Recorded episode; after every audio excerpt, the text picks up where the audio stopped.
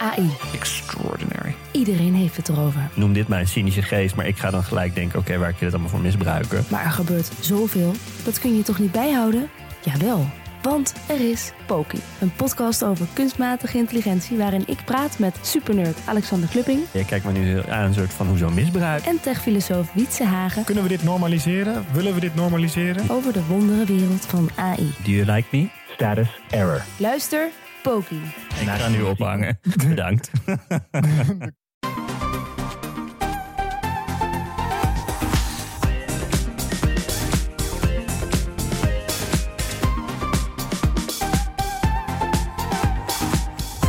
Welkom bij de Bright Podcast van woensdag 13 december voor de trending topics in tech van deze week.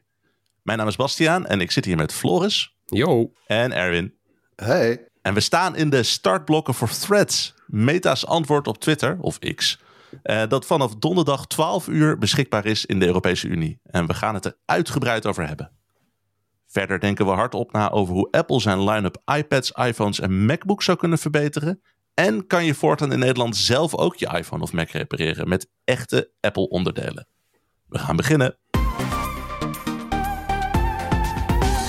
Threads komt na een half jaar eindelijk naar Europa. Floris, loop ons nog even door de turbulente aanloop die hij heeft gehad. Ja, eh, in juli van dit jaar kwam het ineens als eh, reactie op Twitter. Het was natuurlijk een puinhoop geworden. Heel veel mensen die begonnen toen al af te haken. Ik ben inmiddels ook afgehaakt. En eh, nou, iedereen op zoek naar een alternatief. En Mastodon, dat was hem niet. Hè? Dat is toch te ingewikkeld voor veel mensen. Want dan moet je een instance kiezen. En dan dachten veel mensen, wat bedoel je? Waar heb je het over? Moet ik ineens een server aanwijzen? Nou, eh, Blue Sky. Beetje Linux-achtig was dat, hè? Ja, precies. Het is gewoon, want als je er helemaal op zit en je begrijpt het, dan is het eigenlijk, eh, eh, lijkt het nog het meest op wat Twitter was. Mhm. Maar de, de onboarding, zoals dat dan mooi heet, die is niet lekker. Het is meteen de, een, een hoge drempel wordt opgeworpen. Blue Sky probeert ook een concurrent te zijn, maar die was nog gesloten. Is volgens mij nog steeds op uitnodiging, of in ieder geval, dat trekt allemaal niet echt aan. Als je daar Nee. eenmaal zit, dan is het ook wel geestig. Nou, wie komt daar als laagdrempelige, eh, nou ja, redder in nood? Ik weet niet of dat er is, maar in ieder geval als laagdrempelig alternatief. eh, Threads van Meta, het team eh, achter Instagram, heeft het gebouwd. En het is echt gewoon, nou ja, het is, het is, het is die schaamteloze Twitter-kloon. Het is precies Ja. hetzelfde. Ja, maar het is algoritmisch nog wel, toch? Dat je zeg maar bij willekeur berichten krijgt in plaats van dat je zo'n chronologische tijdlijn hebt. Inmiddels is er ook een chronologische tijdlijn. Oh. Eh, in de periode dat wij het konden proberen in, in de EU. Want het was hier eventjes eh, eh, nog met een omweg beschikbaar. Dan kon je die app die kon je installeren via een Amerikaans account of via een APK'tje op, op Android. En dan kon je die app openen en dan kon je ook een account aanmaken. Want een account is in principe gewoon je Instagram-account. Dus je koppelt je Instagram-account aan Threads. En dan kan je threadsen. Dat hebben wij ook even geprobeerd. En inderdaad, Threadsen? Ja, Threads, hè? je kan twitteren Een en dan kan je starten. threadsen. Threadsen, ik weet het niet hoor. Nee, nou ja. Work in progress. Maar in ieder geval, eh, dan heb je, eh, ja, je kon op threads. Eh, en heel veel mensen wilden kennelijk graag op threads. Want binnen, ja, binnen de kortste keren waren er 100 eh, miljoen gebruikers. Vier dagen duurde dat. Jeetje. Inmiddels is die eerste eh, eh, interesse is wel afgevlakt hoor. Er zitten nu kennelijk zo tussen de 130 en 140 miljoen gebruikers op. Eh, dat zal mede ook zijn omdat het in de EU nog niet beschikbaar is. Eh, want ook al konden wij het even proberen, konden we even aan snuffelen. En een paar dagen was het echt wel eh, echt op slot gezet door Meta. Die heeft echt alles aan gedaan om Europeanen buiten de deur te houden. En dat had te maken met die Instagram-koppeling. Want, zeiden ze bij Instagram, wij weten ook niet zeker of dat van de EU mag. Want de EU is erg streng voor die grote techbedrijven. Mm. kan sinds kort ook hoge boetes opleggen. En de vraag is, is het wel eerlijk, concurrerend gezien, als jij met een nieuw sociaal medium komt dat alleen werkt voor mensen die al jouw hele enorm grote 1 miljard gebruikers, andere sociale medium, die daar een account hebben. Nou, heeft, heeft Instagram gezegd van nou, dan liever het zeker voor het onzekere, dan wachten we gewoon. Nou, kennelijk is er nu toch genoeg eh, zekerheid Ja. dat dit moet kunnen, want het komt Ja, eruit. het, gaat dan, het ging dan ook nog heel specifiek. eh, eh, eh, de EU wil eigenlijk, en dat zit dan onder andere verwerkt in die Digital Marketing Act en al die andere wetgeving voor, om big tech te beteugelen. Eh hoera Europa zou ik zeggen. Maar Hè, dat, je, dat je ook berichten moet kunnen lezen op threads zonder dat je een profiel uh, hoeft aan te maken. Ja. Um, uh, uiteraard, als je dan zelf een account wil, ja, of een bericht wil plaatsen, is natuurlijk wel een account nodig. Maar, en een ander probleem was dat je uh, bij, bij threads, is dat je jouw account niet zomaar kon verwijderen zonder ook meteen je Instagram-account ook te verwijderen. nou, dat, dat, is uh, vrij extreem inderdaad. Ja, nou, dat, dat wilde de EU niet. En nou, dat hebben ze dus nu blijkbaar gefixt. En, ja, is dat allemaal veranderd nu? Of is, hoe staat dat ervoor dan? Ja, het lijkt nou, erop, ja, ja die, die, die, die koppeling die is inderdaad verwijderd. Dat, dat is al een, oh, helemaal, een tijdje okay, terug ja. al gebeurd. Dus inderdaad, die, die verplichte verwijdering van je Instagram-account, dat is losgekoppeld. Ja, ze zijn echt gewoon vrij, vrij rap ook begonnen met het uitrollen hiervan, voordat het goed en wel klaar was. Want er zijn nog allemaal dingen toegevoegd. Wat je ook zegt, uh, in eerste instantie kon je alleen maar een soort van algoritmische tijdlijn zien. Uh, ook zoals zeg maar Instagram uh, werkt of TikTok bijvoorbeeld. Dus je krijgt gewoon dingen te zien waarvan het algoritme denkt, dit vinden de meeste mensen interessant. Die tijdlijn kreeg je, maar nu kan je ook kiezen voor een eigen tijdlijn met vrienden of een soort mix. Zoals je het meer op Instagram ziet, weet je wel. Dan zie je ook vrienden en, en wat content tussen. Nou, daar wordt nog wel aan gesleuteld, maar het, is, het, het wordt al steeds completer met ook een soort van, weet je wel, hashtag mogelijkheden en zo. Ja, het is nog niet, uh, wat, zo, wat Floris zegt klopt. Hè. Ze hebben toen, uh, er was momentum, ze hebben haast gemaakt. Hè, de, de, de woede over Twitter en wat er allemaal aan de hand was, uh, was zo groot dat ja, ze moesten echt toen de lucht in. Ja. Dus het is nog niet helemaal, zeg maar, on par met wat je allemaal op Twitter uh, kan doen. Ik, ik noem het gewoon Twitter hoor. Fuck, fuck X. Ja, X. En, uh, uh, maar dat, weet je, daar blijven ze wel aan sleutelen. Ja. En dus ook, ook bijvoorbeeld met die tags of de hashtags. Er zijn geen hashtags, maar je kan wel tags maken om aan te geven waar een post uh, over gaat. Maar dat kan trouwens dan ook een zinnetje zijn met spaties en al en uh, speciale tekens. Ja. Dat, dat, dat, doet het weer net even toch even iets anders. Ja, het is meer een hyperlink dan eigenlijk, hè? Ja, misschien. Maar ze gaan wel snel op die manier. Ik bedoel, als je kijkt naar, ja. naar wat er bij Blue Sky gebeurt, daar, daar hebben ze geloof ik nog steeds geen hashtags. Daar hebben, kun je nog geen video uploaden. En Meta heeft natuurlijk veel meer de slagkracht om dit inderdaad gewoon snel uit te rollen. Ja. Ja, en het is gewoon heel eenvoudig, weet je. Al die mensen die al op Instagram zitten, ja, het is uh, gewoon een paar kliks en je zit op threads. Ja, ja. dat ja, wil je, als je uh, dat vergelijkt met Mastodon inderdaad. Dus ik denk, weet je, die, die Blue Sky, Mastodon, leuk, uh, leuk geprobeerd, maar die gaan gewoon ook niet, uh, weet je, die kritische massa bereiken, waardoor er dat netwerkeffect optreedt en iedereen daar naartoe vloeit. Dat gaat, ik, dat gaat gewoon daar niet gebeuren. En bij Threads zou dat wel kunnen. Ja. ja. Maar stel je voor, je luistert dit dus nu, ik bedoel, donderdag 12 uur ging het live, dus je luistert dit na donderdag 12 uur. Hoe kom je dan überhaupt op Threads? Is het een appje? Moet ik wat anders doen? Hoe zit dat? Het is een site en een app, eigenlijk net zoals, uh, zoals Twitter of X, zoals je dat gewend bent. Dus je kan dan gewoon op je, op je telefoon in, in de appwinkel uh, Threads intikken. En dan komt hij als het goed is bovenaan te staan. En anders zoek je even op Meta of op Instagram en dan kijk je bij de andere apps. Nou, download je Threads en dan uh, kun je dus als je Threads opent, heel makkelijk een account maken door je Instagram te koppelen. Dat heeft Facebook altijd dan goed geregeld. Ja, dat is echt gewoon. We hebben het al een keer kunnen proberen toen het hier kortstondig uit was. Dus het is echt gewoon van: nou, ben jij inderdaad Floris Poort? En zegt ja. En dan zegt hij: Nou, gefeliciteerd, nu heb je een Threads-account. Wil je iedereen volgen die je ook op, uh, op Instagram volgt? En dan zeg je ja. En dan volg je dus al die mensen, zelfs als zij nog geen Threads hebben. Uh, ja. Dus stel Bas, jij hebt nog geen threads, dan volg ik jou toch al. En tegen de tijd dat jij ook een threads aanmaakt, dan volgen wij elkaar. Ze zijn daar gedieper in trouwens hoor. Ik heb een vriend van mij die woont in Canada. Daar kunnen ze natuurlijk nu even gebruiken. En die stuurde mij op Twitter een DM van... Hey, klopt het nou dat, jullie me hebben, dat je me hebt uitgenodigd voor threads? Want ik wilde eigenlijk helemaal liever niet op. En ik heb sinds die eerste keer Europa heb ik die app niet meer aangeraakt. Ik heb ook nu nog geen interesse om er zelf een account te maken. Maar ze zijn dus nu ook alweer een beetje, beetje van die heigerige... Ja, berichten aan het sturen die net zo misleidend klinken alsof een vriend jou heeft gevraagd om te komen. Dat, dat, dat maakt me wel een beetje een soort van ja. uh, cynisch over hoe ze dit gaan aanpakken. Het klinkt weer heel Facebook-achtig allemaal. Facebook is er groot mee geworden, ja. Ik wou net zeggen. Ja. Het ja. precies zo. Het is, het is en blijft wel meta, jongens. Je vrienden hebben wat over jou besproken. Oh, wat dan? En dan ga je kijken en dan is er niks. Ja.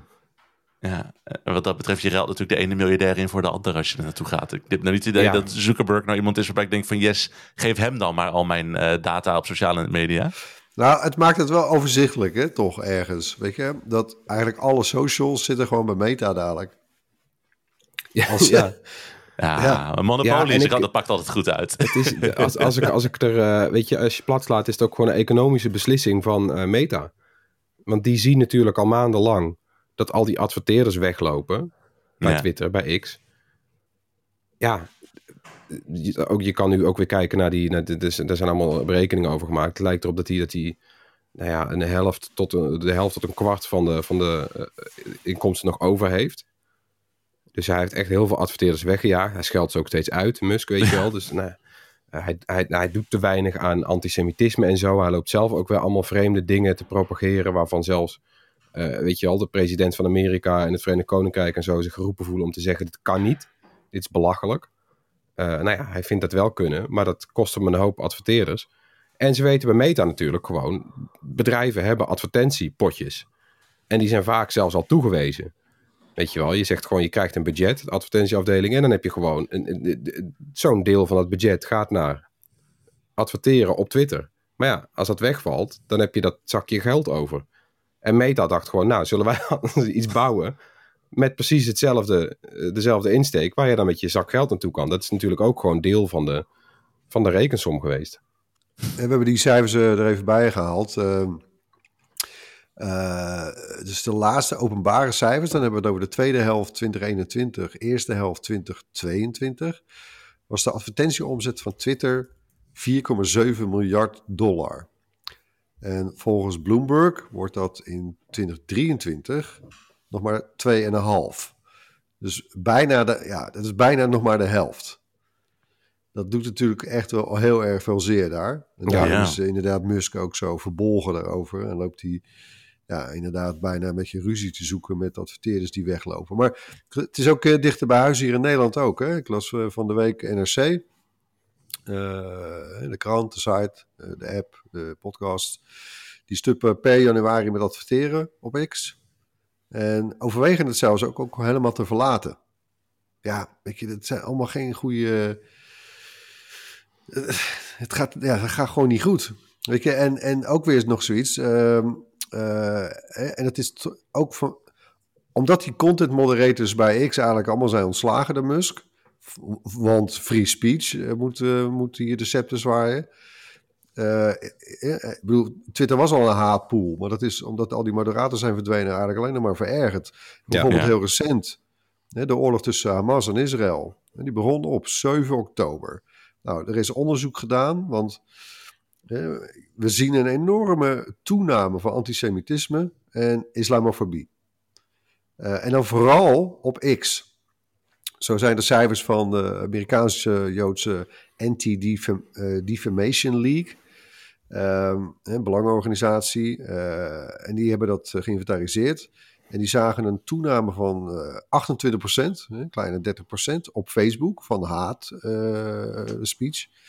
Maar een toename van 900% op X. Ja. Ja, Ja, hallo. En ook in, in Nederland ook. Hè, het was een artikel van NRC eh, wat ik erover las. Eh, ook in Nederland maken de meldpunten overuren. Er worden ook, ook zelfs gewoon journalisten bedreigd.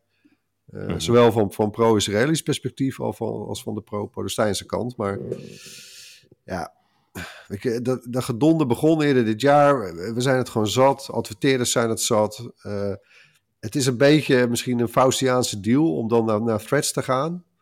Ja. Maar ja, Nou ja. Ik, eh, ik, ik zie er wel naar uit. Ik bedoel, het, het, het positioneert zich in ieder geval heel duidelijk als een vriendelijkere plek. ja. Heel duidelijk. Hè? Nieuws en politiek bijvoorbeeld hebben geen prioriteit op threads. Hmm. Eh, ja, en je kan dan zeggen, ja, is dat, wat is dat dan? Een beetje Windows dressing? Een beetje, eh, beetje, beetje doen alsof alles happy, happy, joy, joy eh, in de wereld is. Ja, het is een beetje Maar- Facebook met je ouders, heb ik het idee. Dat gewoon van de, de, de, leuke kattenfoto's voor iedereen. Dat, die, gaan, die staan al op Facebook, die staan straks denk ik ook op threads. Ik denk dat ze gewoon dat misschien willen herpakken op zo'n manier. Maar het is, het is wel lekker onschuldig, daar heb je wel gelijk in. Ja, maar goed, weet je, de begindagen van Twitter, eh, we, zijn er allemaal geweest. eh, ja, dat was natuurlijk ook heel uh, pittoresk eigenlijk achteraf gezien. ja, daar zat ik over te denken. Want ik, ik geloof ook helemaal dat Threads het gaat winnen hoor. Ik bedoel, ik zit wel graag op Blue Sky. Dat groeit ook niet heel hard. Dat zal inderdaad ook niet de grootste worden. Maar Twitter was natuurlijk ook altijd een beetje de underdog. Hè? Als, je, als je de cijfers van Twitter naast Instagram en Facebook zet, was het ook altijd de kleinste jongen was, de, de schaal maakte het niet leuk. Het was gewoon juist het, het, het, clubje medejournalisten en mede-techmensen.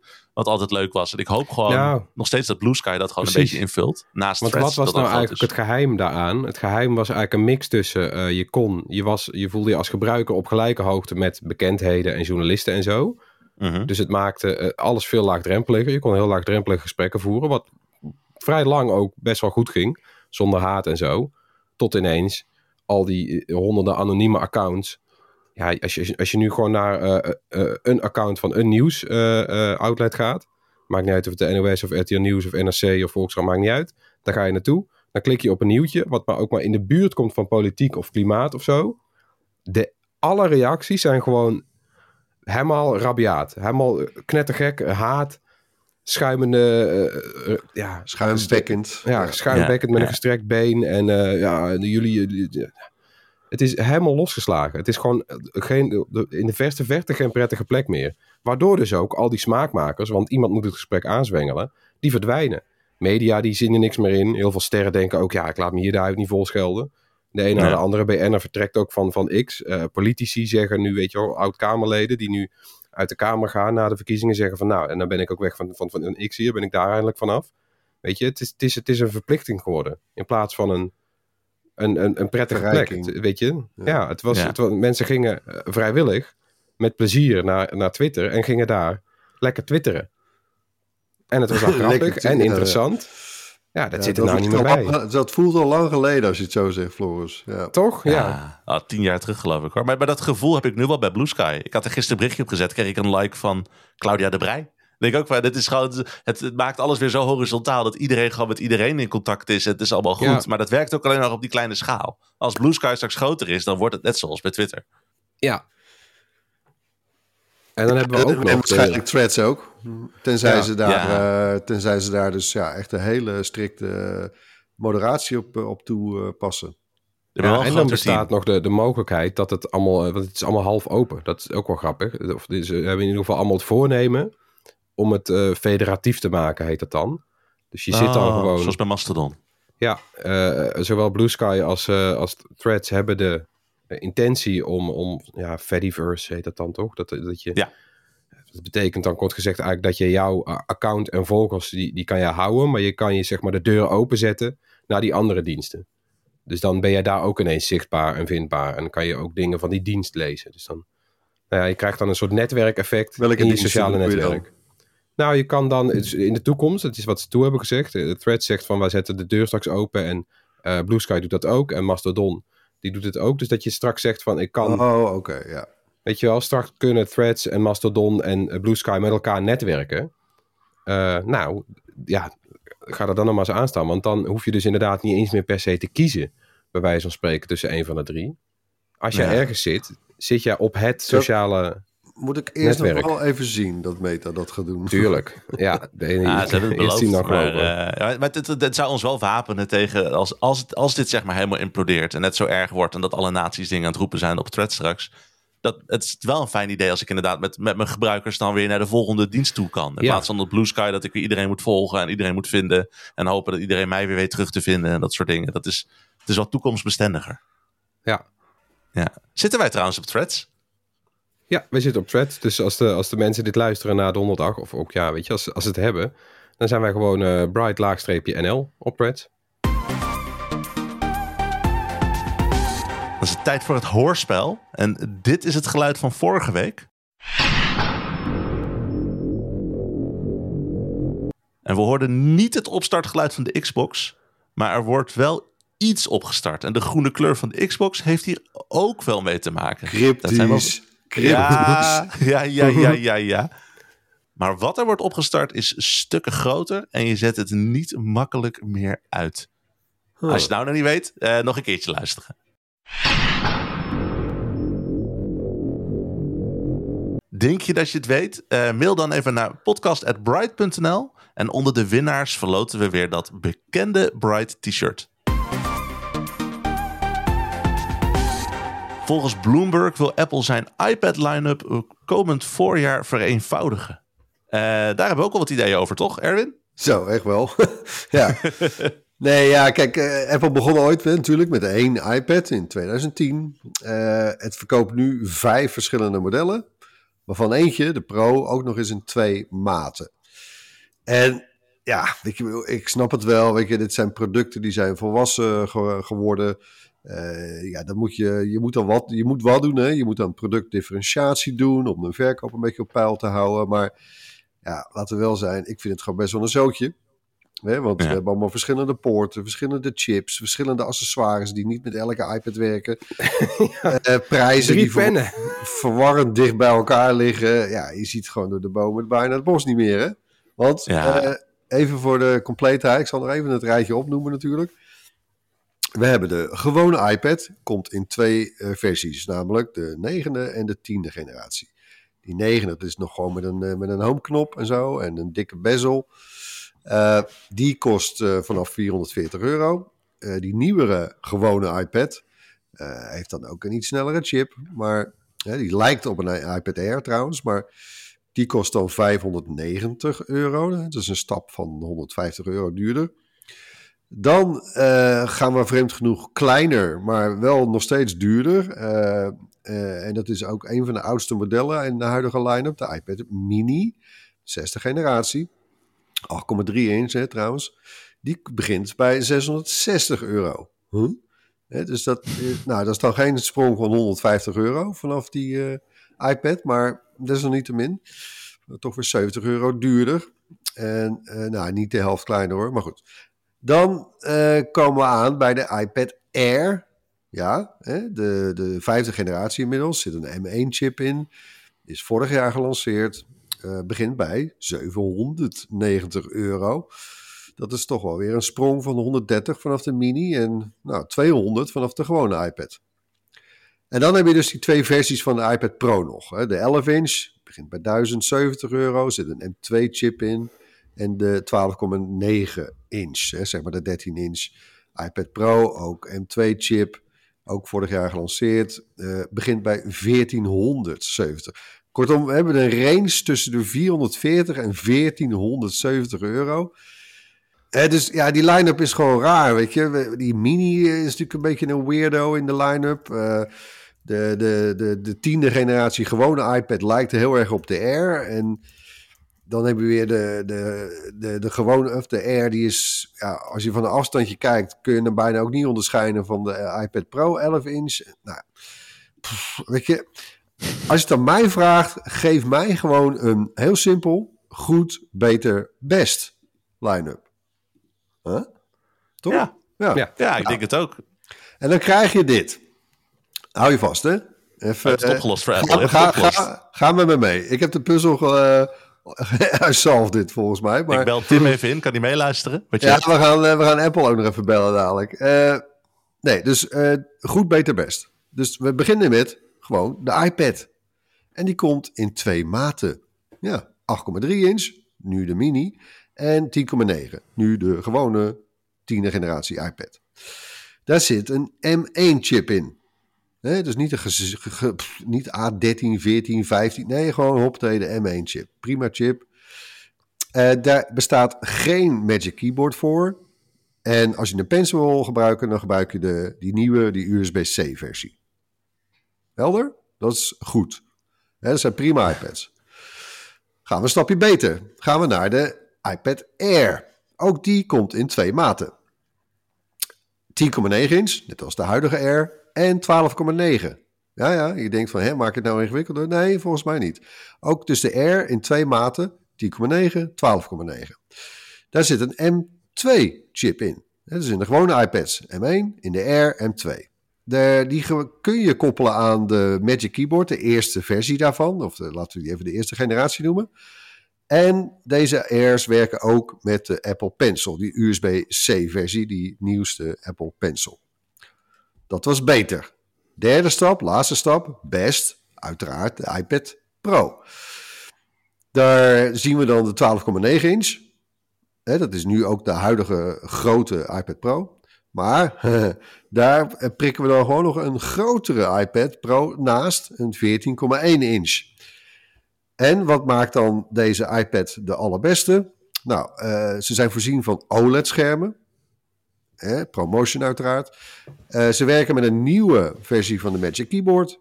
En ze werken als enige met die Apple Pencil 2. Dat is die ene die je magnetisch kunt opladen aan de rand van je iPad. Goed, beter, best. iPad, iPad Air, iPad Pro. Klaar. Wat denk je ervan? Mag ik, op, mag, ik, mag ik op één puntje tornen? Ik vind het over het algemeen een goed lijstje, maar ik heb één dingetje wat ik anders zou doen. Ik zou bij de. Ja. sorry, ik weet dat je ja, nee, bent, dus ik, ho ik, hoop dat ik mag blijven als ik dit gezegd heb. Nee, ik denk dat bij de, bij de goedkoopste iPad zou ik nog misschien geen Magic Keyboard, maar een toetsenbordoplossing doen, want die gaan naar al die scholen. Dus al die studenten die, die, zitten mee te tikken, die, hebben een keyboard nodig. Die bestaat, die bestaat nu ook dat is gewoon die, uh, wat is het, uh, typo, die type folio sleeve, hoe heet dat ding? Oh ja, dat is smart. Uh, dus die, die, de, alleen je hebt niet zo'n super fancy Magic Keyboard. Nee, je hebt een, een, een ja, case ja, met een toetsenbord eraan. Maar... Ja, zelfs een trackpad toch? Zit eraan bij die, voor die goedkope iPad. Oh, ja. nou, dan, dan, dan, dan heb ik niks gezegd. Kijk, als, als er maar een toetsenbord bij zit, dan vind ik deze super logisch. Dit, dit is... ik vind hem wel. We, we CC Apple, hartstikke leuk. Ja, want waar hoorde anders, ja, waar zou anders die mini horen? Ik dacht ook nog, die, mini is misschien een mini Air. Maar ja, dat is overkill. Want het, ja... De, mini heeft absoluut een plek. En ze laten dat ook steeds zien, weet je wel. Toen de vorige mini werd gelanceerd, zeiden ze ook van... Ja, weet je, heel veel mensen gebruiken dit toch. Ook professionals en zo. Gewoon artsen bijvoorbeeld, die dan een iPad in hun zak hebben. Het, uh, groter dan een, uh, dan, dan een telefoon. Niet zo groot als een hele tablet. Je kan die gewoon best wel goed in je zak meenemen. Monteurs ook die zo'n ding hebben om dingen op op te zoeken. Maar hoeft, ja, moet, moet die zo krachtig zijn? Volgens mij niet per se, toch? Nee. nee. Dus dan, dan kan het wel zo'n instapper zijn. Juist ook omdat als, ja, bij die beroepen kan hij ook vaak kapot vallen. Wil je hem nog wel eens kunnen vernieuwen een paar jaar later. Dan is juist goedkoop beter eigenlijk. Ja, ja. ja ik, nee, dus... ik, snap ook niet, uh, ik snap ook niet waarom die mini überhaupt inderdaad sterker is gezien. Het is een kleiner schermpje, dus je kan lage resolutie doen. Er hoeft minder gerenderd te worden. Het feit dat die inderdaad in een huidige line-up zo'n goede chip heeft, is echt super raar. ja, dus hier hoort, hij, hier hoort hij. Hij hoort gewoon bij de laagste, helemaal mee eens. Oké.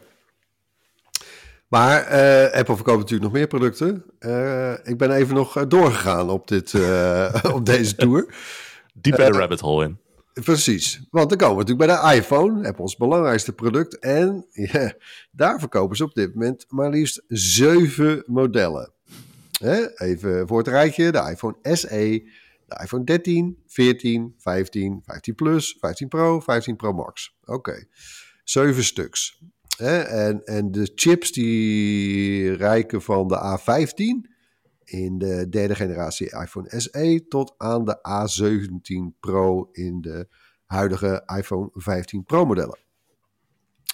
Uh, toen ik dit uh, trouwens nog even voorbereidde, ik, ik, heb een, ik bedoel, ja, ik heb ook alle reviews natuurlijk weer gedaan het jaar en enzovoort. Maar toen ik het rijtje zo opstelde, dacht ik wel van, wat doet die iPhone 14 daar nou eigenlijk nog? Ik bedoel, natuurlijk, Apple heeft altijd de gewoonte om oudere modellen ook nog uh, te kunnen of aan te bieden. Uh, die zijn dan wat afgeprijsd.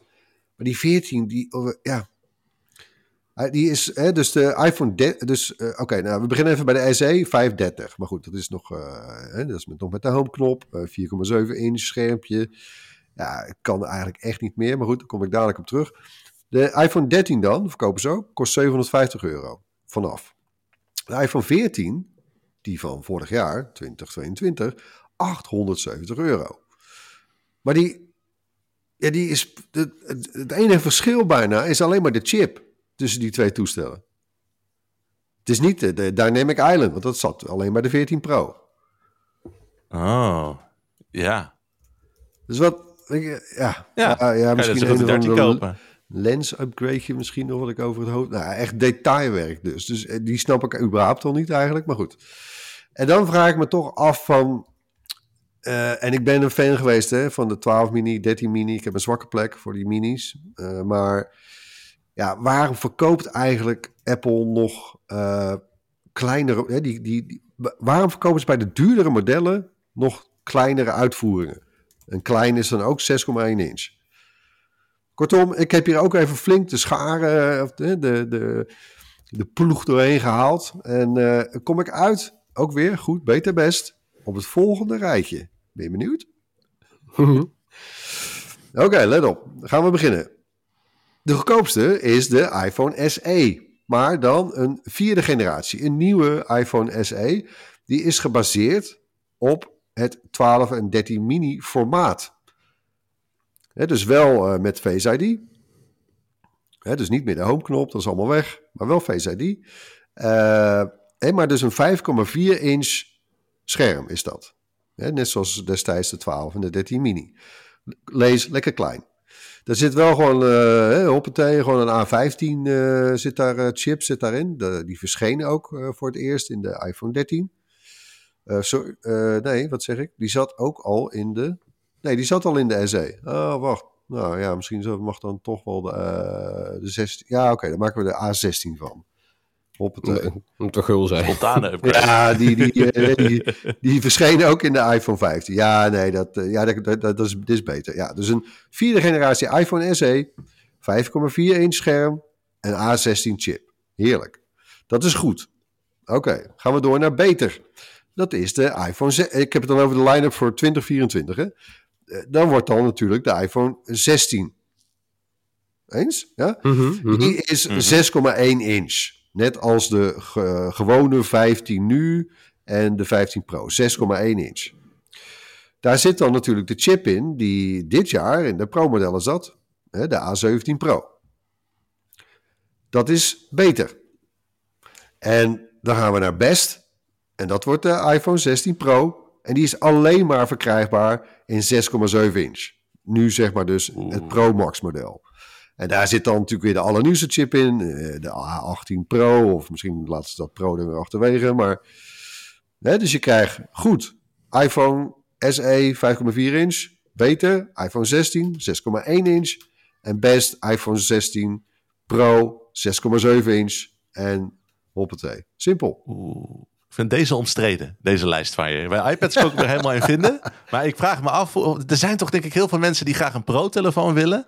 Maar dan niet per se het grootste scherm. Die misschien dan toch weer een kleiner ding hebben. Ik denk dat dat veel meer een smaakgericht dingetje is bij deze. Dus ik vraag me af hoe dit zou vallen. Ja, ja nou ja, ik, ik denk ook eerlijk gezegd, kijk, als Apple ergens niet aan gaat tornen, dan is het aan de line-up van de iPhone, denk ik. Maar ja, het zou het wel, wat mij betreft, wel overzichtelijker maken, toch? Of, of Floris, wat, of wat, wat denk jij? Nou, ik heb hetzelfde dat ik denk, uh, welk, welk scherm zit er dan in, in welke iPhone? Uh, want ik vind het wel heel prettig. Ik ben inmiddels ook gewend aan dat scherm, het promotion scherm, 120 hertz. Ja, dat doet Apple nog steeds niet in die normale iPhones. Als ze ja. dat zouden gaan doen en die camera's en zo. Maar ja, dat is eigenlijk, eigenlijk vraag ik me ook heel vaak af waarom, waarom, uh, waarom bestaat die nieuwe normale iPhone nog? Dus zij komen uh, uh, ook dit jaar bijvoorbeeld met een iPhone 15. Wat op zich een hele leuke telefoon is. Maar eigenlijk zou je in, inmiddels kunnen zeggen je moet elk jaar alleen maar met een, nieuwe, een nieuw Pro-model komen. En uh, de Pro van vorig jaar afprijzen. Eigenlijk zou je in zo'n situatie moeten komen. Dat ze gewoon volgend jaar zeggen: we doen geen. Er is geen normale iPhone meer. We verkopen nu gewoon nog steeds de Pro.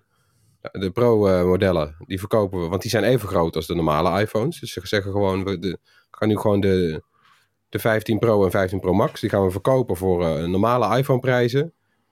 En voor dit jaar hebben we een nieuwe iPhone 16 Pro en 16 Pro Max. Ja, voor de, ja, voor de hoofdprijs. Ik zit en welke oudere mensen... modellen verkopen ze dan? Dus dan verkopen ze niet daarnaast de iPhone 15? Van nee, helemaal jaar, niks meer. De iPhone 15 Pro? Ja, ik zou gewoon zeggen... Ze, niet? Ja, wel. Dus ze verkopen alleen de, de... Want dat doen ze normaal juist niet.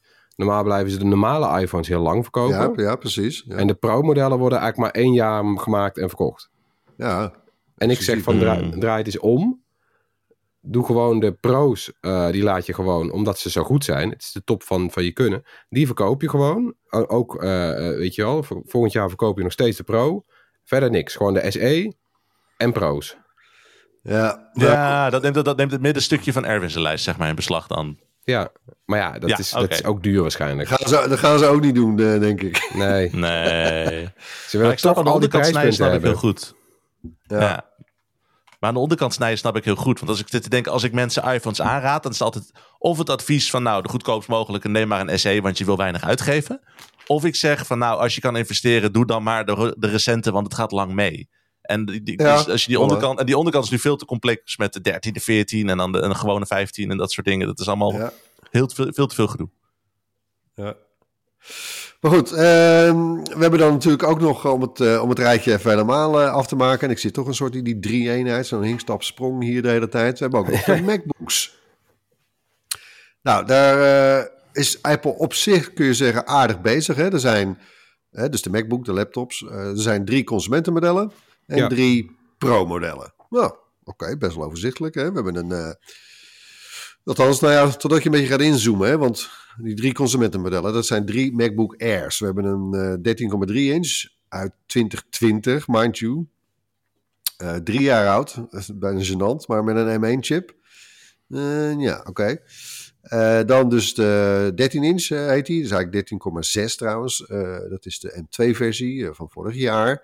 En dit jaar kwam daar de 15 inch, 15,3 eigenlijk, eh, M2-versie eh, van de Air bij. Eh, hè, dus dat zijn die drie consumentenmodellen. Recent hebben we natuurlijk de drie nieuwe Pro-modellen gezien. Met een 14,2 inch met alleen de M3-chip. Een 14 eh, inch met of de M3 Pro of M3 Max-chip. Zeg maar de echte Pro-modellen. En uiteraard de 16 inch met ook eh, de M3 Pro of Max. Ja. Maar ook hier weer denk ik, ja jongens, eh, goed, beter, best. Hoe, eh, hoe doen we dat hier? Nou, heel simpel. Ik pleit voor de terugkeer van de gewone MacBook. Gewone MacBook. Geen Air, geen Pro, gewoon MacBook. En eh, even een knipoog naar het verleden. Breng een MacBook 12 inch uit. Net zoals destijds. Floris heeft er een gehad. Kan hij zo Mhm. meer over vertellen. Met een M1-chip. Hè, die eh, is prima. Gewoon als een instapmodel. Hè? Ook voor studenten enzovoort. Niet eh, gewoon 1000 euro max. Eh, meer dan genoeg. Dan krijg je de MacBook Air, 13 of 15 inch. Daar zit de M2 in, zit hij nu ook. En dan de MacBook Pro, 14 en 16 inch met de M3. Hè, zoals nu ook al. Kortom, MacBook gewoon erbij terug. Wat jullie? Ja, daar ben ik al voor. Ik was, ik, ja, ik was dol op die 12-inch MacBook. En de nadeel eraan waren die butterfly toetsenborden. Maar eh, die gingen steeds stuk. Maar gewoon het, het, het formaat vond ik heel goed. Want het was echt de meest Zo. draagbare MacBook. Die was alsnog ook kleiner en Maar het dunner. was wel een groot verschil. Die was toen peperduur. Hè, dat was Ja. een soort, bijna een beetje een conceptueel eh, model.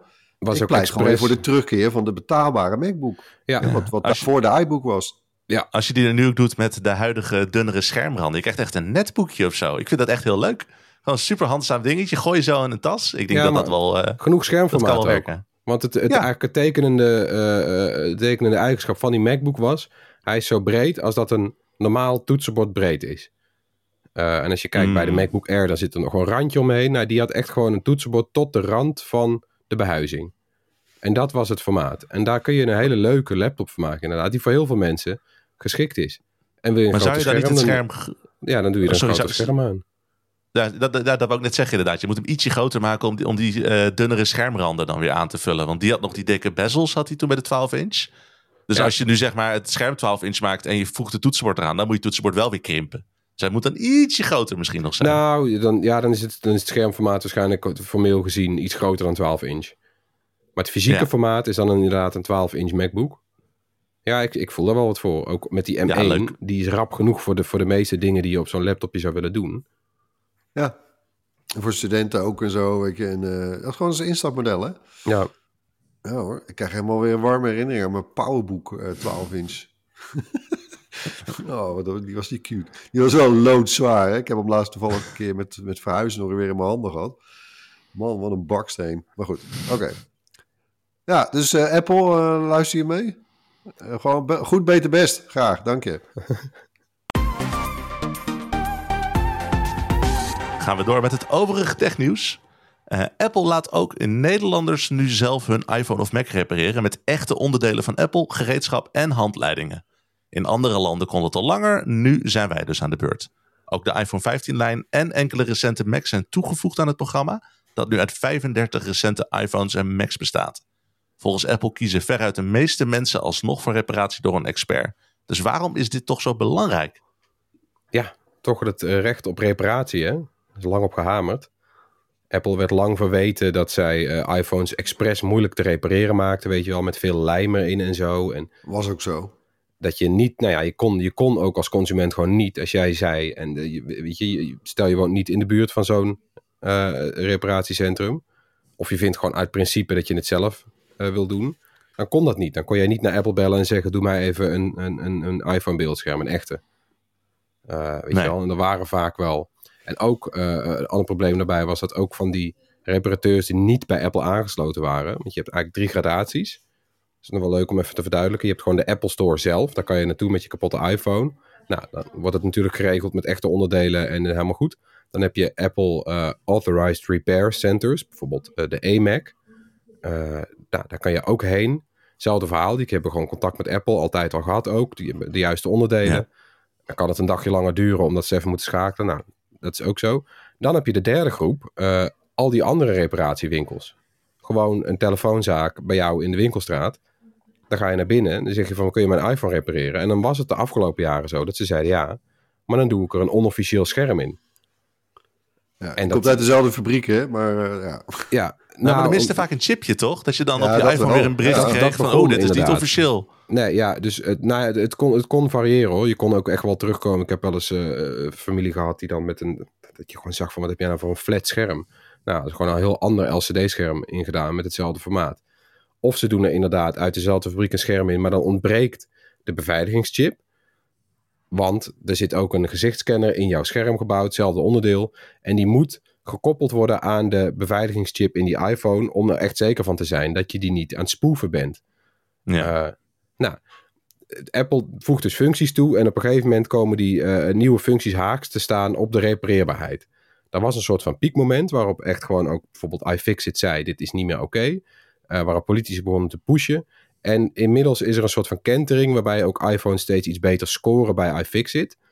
Eh, waarbij iFixit... Ja, dat is, de gerenommeerde Ja, bron eigenlijk. Om, Ja. Ja. En het gaat er dan vooral om dat als je bijvoorbeeld het achterpaneel eraf haalt, dat dan bijna alles, eh, dat je bijna overal bij kan.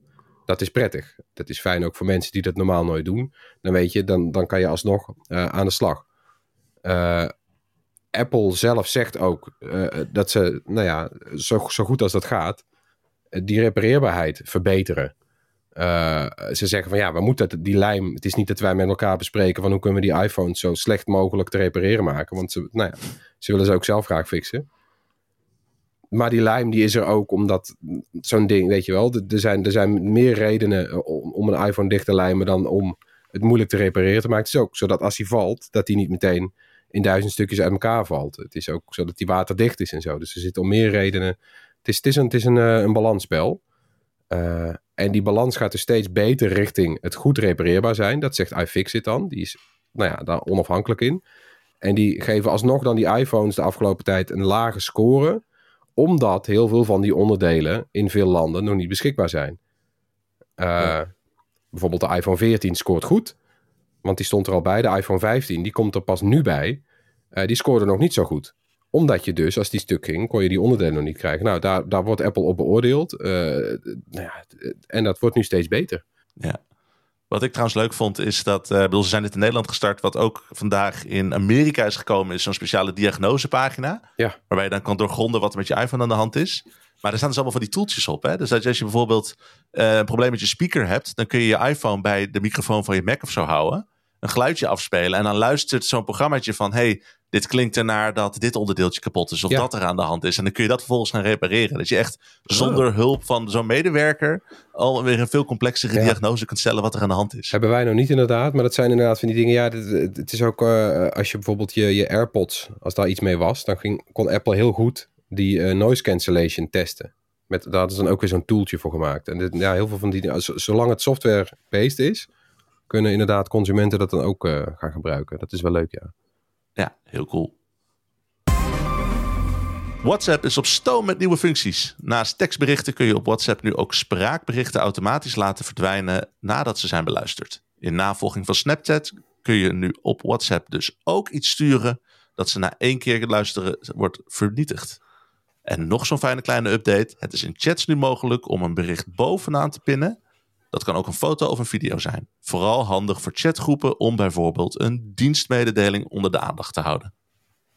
Ja, Ja, we zijn wel bezig hè, daar. ook met de kanalen natuurlijk. Uh, de ene update naar de andere. En Ja. het, eh, ik, bedoel, ik, ik heb het idee alsof weet je, jarenlang eigenlijk niks is gebeurd bij WhatsApp. En opeens eh, hebben ze de geest gekregen of zo. Ik vind het wel heel fijn, ja. Ja, ook omdat je er een beetje aan vast zit in Europa. Want ze hebben in Amerika heb je nu altijd gedoe natuurlijk rondom iMessage. En, en, en allemaal derde partijen die proberen om iMessage op Android te werken te krijgen. En dan heel verrast zijn dat Apple dat meteen onmogelijk maakt. Eh, ja. hier in, in Europa is het haast andersom. Hier moet je op WhatsApp zitten. Ik iMessage ook wel met een paar mensen. Omdat ik gewoon, ik vind die app prettiger. Betere foto's en zo. Maar ook daar wordt er bij WhatsApp dus aan gewerkt. Het versturen van foto's in de volledige resolutie en zo. Er zit echt wel Ja. beweging in. Dus ik hoop dat het... eh, ja, dat die app straks ook nog, dat ik echt denk van dit, dit is een fijne app die ik met plezier open. Ja. ja Ik ben er nog niet. ik ben, er nog niet, maar we komen in de buurt. Ja. Ja. Robot Optimus van Tesla kan nu weer soepeler bewegen. De voeten zijn aangepast, de vingers hebben nu druksensoren en de robot kan nu zelfs eieren oppakken. De robot moet op termijn allerlei zware of saaie menselijke taken gaan overnemen en bovendien betaalbaarder worden. De robot gebruikt daarvoor veel minder sensoren dan concurrenten en werkt net als de auto's van Tesla vooral met camera's. Ja. ja, hij danst alleen wel net zo houterig als Musk zelf. Ja. Want Musk, ja, Musk had dus een, eh, een, een videootje gedeeld op eh, X eh, van de second gen. Oh, dan zeg je X. Ja, sorry, Twitter. Van de tweede generatie Optimus, ja. Maar eh, ja, eh, ik moest inderdaad ook wel meteen aan hem denken. Want zo, ik, heb je wel Musk zo zien, soort zien swingen op, op podium, toch? Bij Tesla. Nooit gezien, maar ik kan het me 100% voorstellen bij hem. Ik kan me Ja. niet voorstellen dat het een niet houterige Ja. danser is. Dat was één op één hetzelfde, ja. Nee. ja, het is toch, eh, ja, mm, is het al Boston Dynamics eh, niveau? Mm, nee, nou ja, maar goed, Boston Dynamics maakt natuurlijk weer niet echt humanoids. Hè. Die maken vooral de hondjes en eh, ja, ze hebben wel een paar van die eh stellage magazijnrobots, eh, die grote dozen kunnen tillen en zo, maar nou, hij ziet er wel knap uit of zo, maar ja, ja, ik vind het wel... Ik heb ook net dat, dat boek ge- geluisterd van Walter Isaacson, die biografie over Musk. En nou, het geeft een iets, iets minder zwart-wit beeld van, eh, van Elon Musk, maar eh, hè, met z'n acht bedrijven tegelijkertijd die hij aanstuurt, eh, ongeveer. Ja, hij heeft er best wel wat knappe koppen opgezet. Het, het doet me ook weer een beetje denken, weet je, je hebt een tijd lang bijvoorbeeld bij Honda, had je Asimo. Ook zo'n beetje humanoid-achtige robot. Oh Die ja. kon toen rennen en dit. En ja, ik, ik vraag me toch wel een beetje af of, het, of wat hij voor ogen heeft, Musk. Hè, met, met, en met deze robot, dat zou bijvoorbeeld ook de bestuurder kunnen zijn van een robottaxi, die hij ook wil maken. En, en of, nou ja, hè, of dat. ook ja, hij zou boodschappen voor je kunnen gaan doen. Dat zei hij, hè? dat je bijvoorbeeld zo'n Ja. robot verboden... Ja, nou, ik schrik me ten eerste al helemaal een ongeluk. Als, ja, misschien went het, maar als je door de Staat er zo dan- achter je in de rij. Ja, komt zo'n robot. Eh, Pardon, mag ik er even bij? Ja. Kan u voor mij van de bovenste plank? nou ja, het is... het- ja. Want ook, ik ben vooral... eh, denken jullie? nou, Sorry? het- Dit soort robots, Ik- gewoon in het dagelijks leven, in, in, in de openbare ruimte. nou, Gaan we dat nog Ik meemaken? denk- Hmm. ik denk het niet.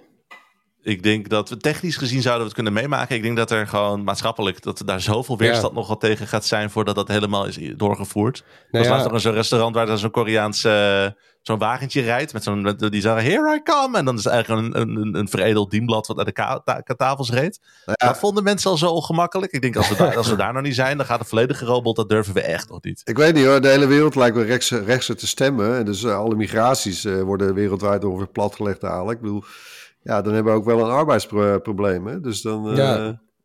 Ja, vergrijzing schijnt nu een heel groot probleem daarbij te zijn inderdaad. Het Ja. gaat nu heel snel dat er echt heel ook- veel banen bij komen. Maar denk, je hele Ja. leven lang werken en dan verzorgd worden door een robot. Dat is ook... eh, nou ja. Hij lijkt me wel heel geduldig. Dat wel, ja. Je kan er wel onbeleefder naar zijn. Ja, weet je- een, weet eh, je wat met ik een Siri heb? praat je ook altijd een beetje lullig. Hè? Want muziek aan, in plaats van dat je het gewoon even vraagt. Dat kun je dan ook gewoon doen met je robotverzorger. Dus dan van, verschoon me luier! En dan eh, is het gewoon goed. Nu. ik wil eten. Koop wat. Nee, maar ik zie het er wel gebeuren.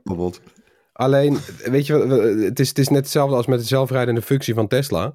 Eh, Musk wil zo graag dat het er komt. dat hij het al half in die auto stopt. Ja, nou, hij heeft al Eh, vijf jaar gezegd dat het volgend jaar verschijnt. Ja, het zal volgend jaar verschijnen. Hij doet het ook met minimale middelen. Dus camera's rondom en dan een algoritme. En dit moet er dan voor zorgen dat die auto op de weg blijft. Mensen gaan dat dan dus ook aanzetten. Dan is er een melding, hou je handen aan het stuur. Mensen negeren die melding. Maken allemaal auto-ongelukken.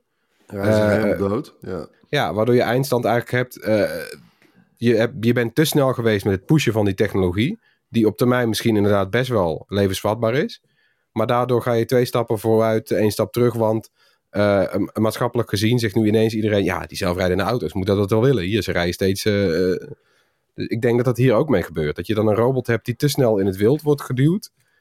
Ja. En iedereen zegt dan van, wat doet dat ding hier? Weet je wel, die, die loopt overal... eh, Nou, mensen kijk, enige wat, wat eh, Musk was vroeger best wel een held voor me. Toen viel hij van zijn voetstuk. Eh, werd wat rabiater, maar toch, ook, toch wel weer door dat boek. Kijk, hij heeft wel die drang om te vernieuwen eh, en risico's te nemen. Dat, dat, ja, ja. dat waardeer ik wel aan hem. Maar ja, wat jij net schetst, Floris, dat kan wel eens een onbedoeld gevolg natuurlijk zijn. Ehm, ik vraag me toch af of hij dat zich voldoende realiseert. Eh, En risico's nemen vind ik hier ook spannend. Ik wil risico's Ja. nemen bij een eh, coole elektrische auto is één ding. Al kan dat ook gevaarlijk aflopen. Maar als dit een robot is die mij persoonlijk verzorgt, dan weet ik veel wat. En daar worden een paar, eh, paar, paar, paar eh, snel eh, shortcuts genomen. Om te, Ja. om, en, en vervolgens wordt, blijkt dat een killer machine te worden. Ik Nou, wil dat hij daar wel voorzichtig mee omgaat. Of die drugsensoren. Ik bedoel, het is leuk, drugsensoren in de vingertoppen. Maar wat als die drugsensoren net niet helemaal goed werken en hij heeft net jouw bovenarm Ja. vast? Ja, er was Ja. net een over-the-air update eh, en er zit een bug in de druksensor. Ja. En hij gaat jou Ja, verschonen. Ja. Je bent hoogbejaard en hij gaat jou verschonen. Met, ah, ja, Een velletje. ja, met je eieren. Ja, nee. velletje zit Ja. ertussen. Oh. Gadverdamme. Auw.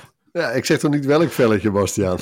Nee, dat, ik denk dat iedereen aan hetzelfde velletje denkt. Oh. Nou ja, Nou, eh volgend onderwerp. Zullen we naar de tips? Ja, Erwin, had jij nog een tip voor ons? Ja, ja, nou, over vieze velletjes. Ik heb een leuke tip. eh, het derde seizoen van Slow Horses op Apple TV+. Plus. Een spionage-thriller-serie. Maar ja, soort best wel vriendelijk of zo. Een Britse eh spionage-thriller-serie, laat ik het zo zeggen. Maar met een Amerikaan trouwens in de hoofdrol. eh, Gary Oldman als Jackson Lamb. Hij is het hoofd van Slough House. ja, hij is ook een Brit. Hij is ook een Oh, Brit. verdomd, hij is ook een Brit. Zo, Nou, zo goed is hij. Nou, kun je nagaan. Maar die, eh, hij is hoofd van een af, zeg maar het afvoerputje van MI5. Hè? Dus de, de Britse in- inlichtingendienst. En alle kneuzen en, en losers en zo, die, die worden dan in een soort aparte divisie eh, eh, gestald. De- en die zitten samen in Slough House en die, die worden de Slow Horses genoemd. En hij is daar dan wel de, de leider van. En, en wel... En, ah man, je moet, eh, weet je nog de, de, de vieze man van uh, Verkoten en de Bie? Eh, de, de vieze- Mhm. en dan, de- nou, en die, ah, godverdamme, joh. hij is- Zijn haar is ongewassen, hij laat scheten in het restaurant. Weet je, hij, zijn, zijn jas is als, als, al twintig jaar niet gewassen. Het, echt, het ziet er niet uit, die vent. Hij doet het echt steengoed. Maar als spion, is hij nog steeds top, eigenlijk. Maar goed, en dan... Hij heeft zo'n team om zich heen. ehm, en ik vind ook best wel een leuke rol trouwens. eh, Jack Loudon, net die gast, die speelt River Cartwright. Die, die, die vind ik wel tof. Maar goed, er zit iets van. eh, hij heeft een team van een man of vier, vijf. Eh, Daar gaat er dus ook wel eens een dood. Maar. eh, en. Eh, ja, vorig jaar. eh, ik vond het best wel een, eh, een, een revelation, heet dat toch? hè? Een soort openbaring. Ik vond het echt een hele leuke serie. We hadden ook opeens twee seizoenen in één jaar. hè. Het eerste seizoen was begin vorig jaar. Het tweede seizoen eind vorig jaar. En nu eh derde seizoen. En er komt ook nog een vierde seizoen. Eh, ik kan hem van harte aanbevelen. Slow Horses op Apple TV+. Plus. Ja, het is zo genieten. Ik kan niet wachten. Volgens mij komt er vandaag weer een nieuwe aflevering uit, hè? Elke woensdag. Ja, ik verheug me. Nice. Ik heb ook een, eh, ja, ook nog had. ik heb ook een eh, serie tip. Dat is eh, Hilda op Netflix. Derde seizoen is ineens verschenen. Ik dacht dat die misschien al afgerond was, die serie of zo. Want er was al zo lang niks gebeurd. Maar het is een, een hele leuke animatieserie. Over een meisje en een moeder. En die wonen in een wereld waarin heel veel sprookjesdingen echt bestaan. Maar dat was heel op een hele geestige manier. Dus die serie begint dat zij in de wildernis wonen. Eh, maar daar komen steeds enorme trollen voorbij gelopen. Dus dan besluiten ze om toch maar in de stad te gaan wonen. Want daar staat een muur omheen tegen de trollen. En er wordt allemaal heel, eh, eh, ja, heel rustig mee omgegaan. En er zijn ook bosmannetjes en elfjes en heksen. En er gebeurt van alles. En het is, het is een hele snelle, vrolijke serie. Het is heel mooi getekend ook. Dus ik ben, ik ben ook wel ja, heel zwaar geïnspireerd ook op vooral die Scandinavische sprookjesverhalen. En mythen en zo. Ja, ik vind het een hele leuke, lichte serie om, om te kijken. Volgens mij vooral bedoeld voor kinderen, maar ik vind het zelf ook gewoon hartstikke leuk. Hilda. Hilda. En ja, Bas? Eh, ja, ik, ik, ik, ik maak hem nog even af. Ik had, eh, vorige week had ik ook al een, eh een VR-tip. Ik dacht, ik ga de trend gewoon even doorzetten. Want ik ben de laatste tijd ben ik dus weer begonnen met het proberen om eh, weer te leren piano spelen. Zo. Dat is altijd een ambitie geweest. Ja, ik, ik had hem gekocht. Toen begon mijn jongste zoon, die net geboren was, heel slecht te slapen. Toen heb ik het even uitgesteld. Nou, dat begint weer een beetje op te bouwen. Dus ik dacht, ik ga het weer voorzichtig proberen. Maar wat je dus voor de MetaQuest 3 hebt, is een app die heet Piano Vision. Of Piano Vision. Eh, en wat het eigenlijk doet, is je zet het op. Je zit dan in eh, een augmented reality wereld. Dus je ziet gewoon je echte omgeving om je heen. Maar op de knoppen van je piano zie je de noten als een soort van Guitar Hero of Dance Dance Revolution. Zie je zo naar beneden gaan waar je moet spelen om een Oh. nummer te spelen. En er zitten heel veel standaard voor je beetje van die publieke nummers in. Gewoon met Beethoven, Bach, weet ik wat, waar ze gewoon geen rechten voor hoeven te betalen.